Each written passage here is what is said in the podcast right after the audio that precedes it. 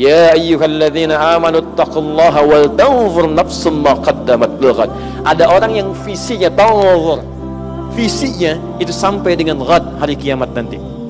Kalau saya mau mencari nafkah sama, kantornya sama dengan si fulan. Kerjanya di sini, tapi bagaimana caranya pekerjaan saya melahirkan pahala yang saya bawa sampai ke akhirat. Di ada orang jangkanya cuma jangka menengah dunia saja. Jangkanya jangka pendek, yang ini jangka panjang dia bawa. Ada orang mencari nafkah hanya sekedar memenuhi kebutuhan per bulan.